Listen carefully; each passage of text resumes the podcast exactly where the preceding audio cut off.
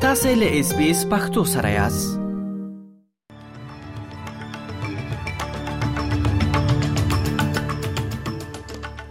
د خبرونو سرټکی د اسټرالیا حکومت پلان لري چې پراتلونکي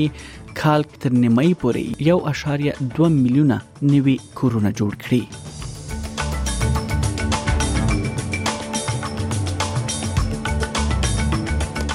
په استرالیا کې روسي ارقام ښیي چې د تولید په سکتور کې حالت په ټپه ولاړ دی معنا دا چې دا مهال یعنی په هغه برخه کې فرمایشونه او یا آرډرونه هم په ټپه ولاړ دي او خلک ډیر ارزنه کوي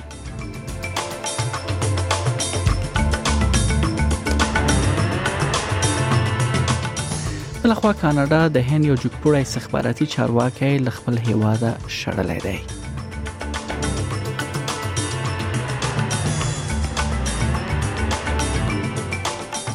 او بل خبردار چې استرالیا به د سمندري سارنې لپاره یا سمندر سارنې لپاره د یو اشاریه پنځه میلیارډو ډالرو په ارزښت نوې الوتکې واخلي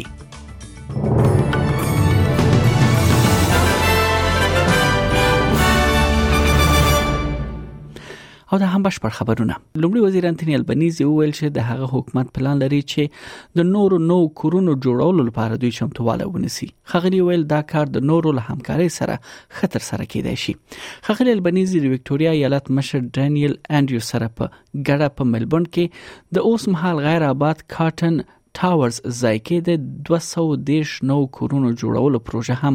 پرانسته ده وکټوريا ایالت چې د استرالیا دویم تر ټولو ډیر نفوس لرونکي ایالت دی پلان لري چې 209 نوي حکومتي کورونه جوړ کړي چې دا به حکومت لپاره 1500 میلیون ډالر ارزښت ولري د خغل البنيزي حکومت ژمنه کړې ده چې د 2023م تر نیمایي پورې به یعنی په 15 کلونو کې به په ټول هیواد کې 1.2 میلیون نوي کورونه جوړ کړي هغه وایي دا یو واقعي هدف دی په دې برخه کې باید د دولت بیلابېلې کچې لوړپوړي ارګانونه او هم خصوصي سکتور ټول په ګډه کار وکړي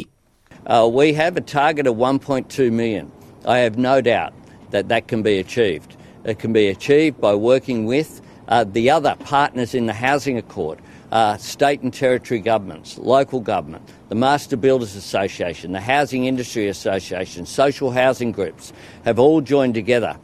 to, for this target. د استرالیا د حکومت اپوزیسیون مشر پیټر ډاټن بیا وایي چې په وکټوریا ایالت کې د کورونو جوړولو په پالیسۍ کې اوازې د لیبر د ګوند خراب اقتصادي مدیریت یو نخښه ده دا سنګیرل کیږي چې د وکټوریا ایالت حکومت ممکن داسې پالیسی هم غوړه کړي لکه د استوګنې چمتو کونکو کمپنیو لکه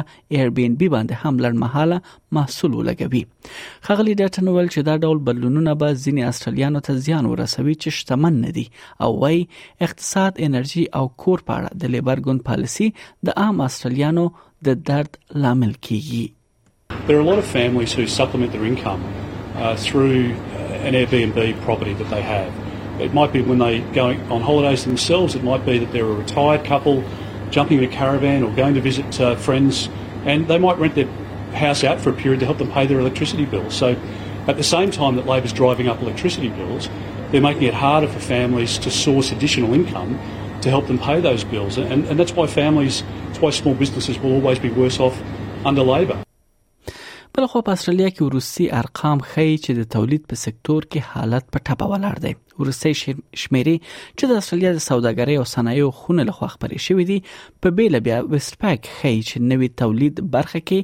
نوې آرډرز یا فرمایشونه په ټپه ولاړ دي د اضافي وخت او کار کمښت او هم یوازې په محصول کې لږ زیاتوالی تر سره کیږي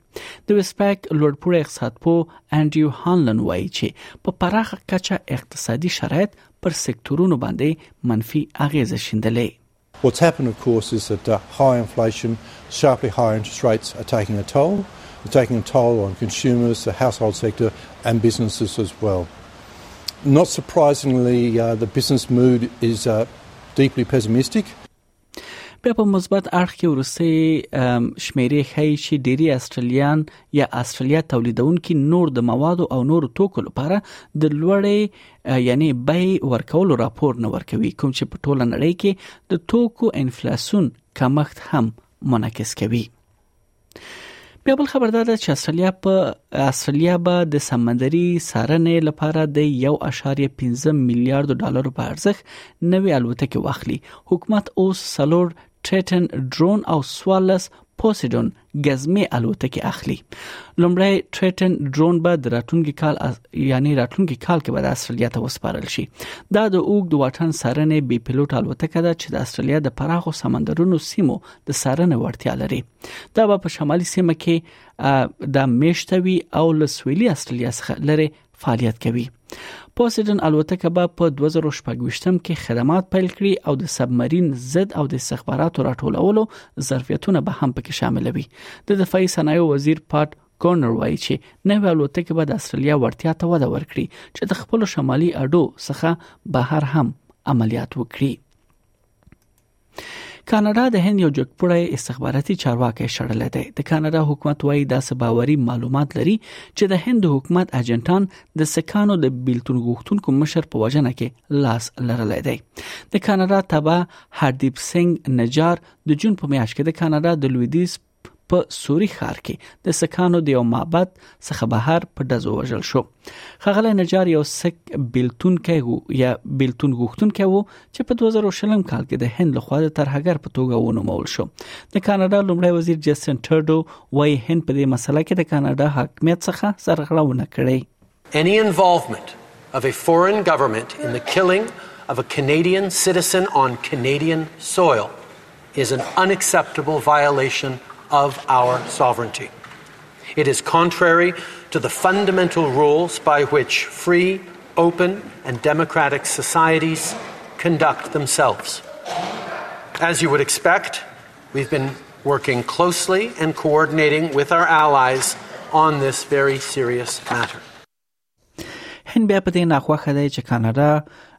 په کاناډا کې د سک بیلتون غوښتونکو پر وړاندې مبارزه نه کوي چین او روسیه خپل اتحاد ته وده ورکوي د چین د بهرنیو چارو وزیر وانګ یي روسیه ته سلو ورځنی سفر پیل کړی دی چې د دوه هیوادونو ترمنځ کلنۍ امنیتي خبرې هم پکې شامل دي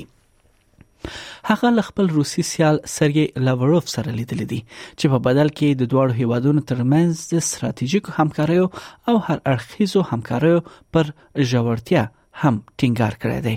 دا څه فکر کیږي چې د روسیې ولسمشر ولادمیر پوتین ممکن راتلونکي میاشت چین ته سفر وکړي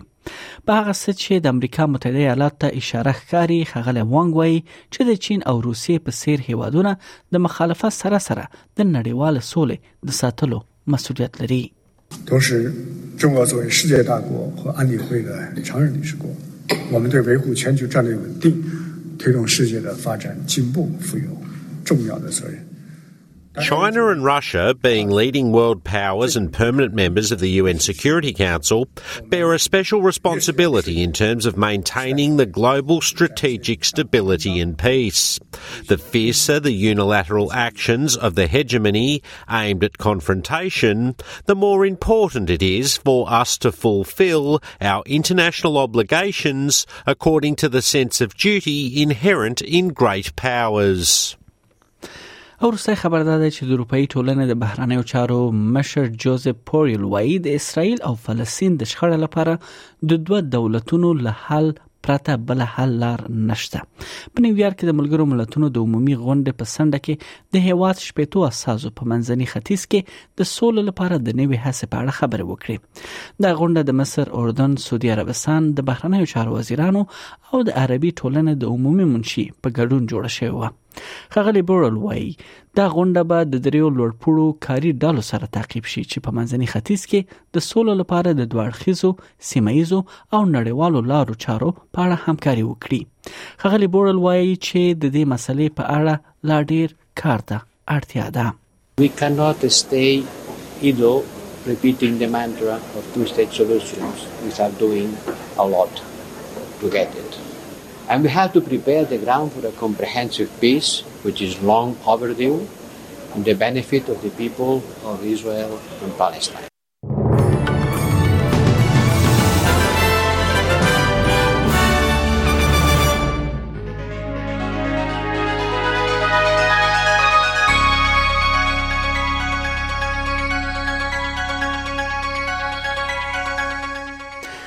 د استرالی ډالر پر وړاندې د ځینو بهرنیو اسعارو بیه په نړیوالو مارکیټونو کې یو استرالی ډالر 0.35 امریکایي سنت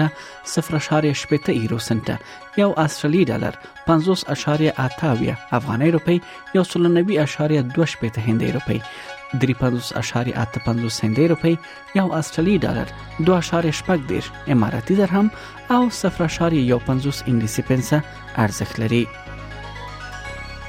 د هم د استرالیا د ځینو ښارونو نن لپاره د تودوخه تر ټولو لوړه درجه هغه هم د سانتیګریډ په کچه په سیدنی کې هوا لمریزه ده سلور دیش په ملبن کې اسمان برګ شپږ ویش په برزبن کې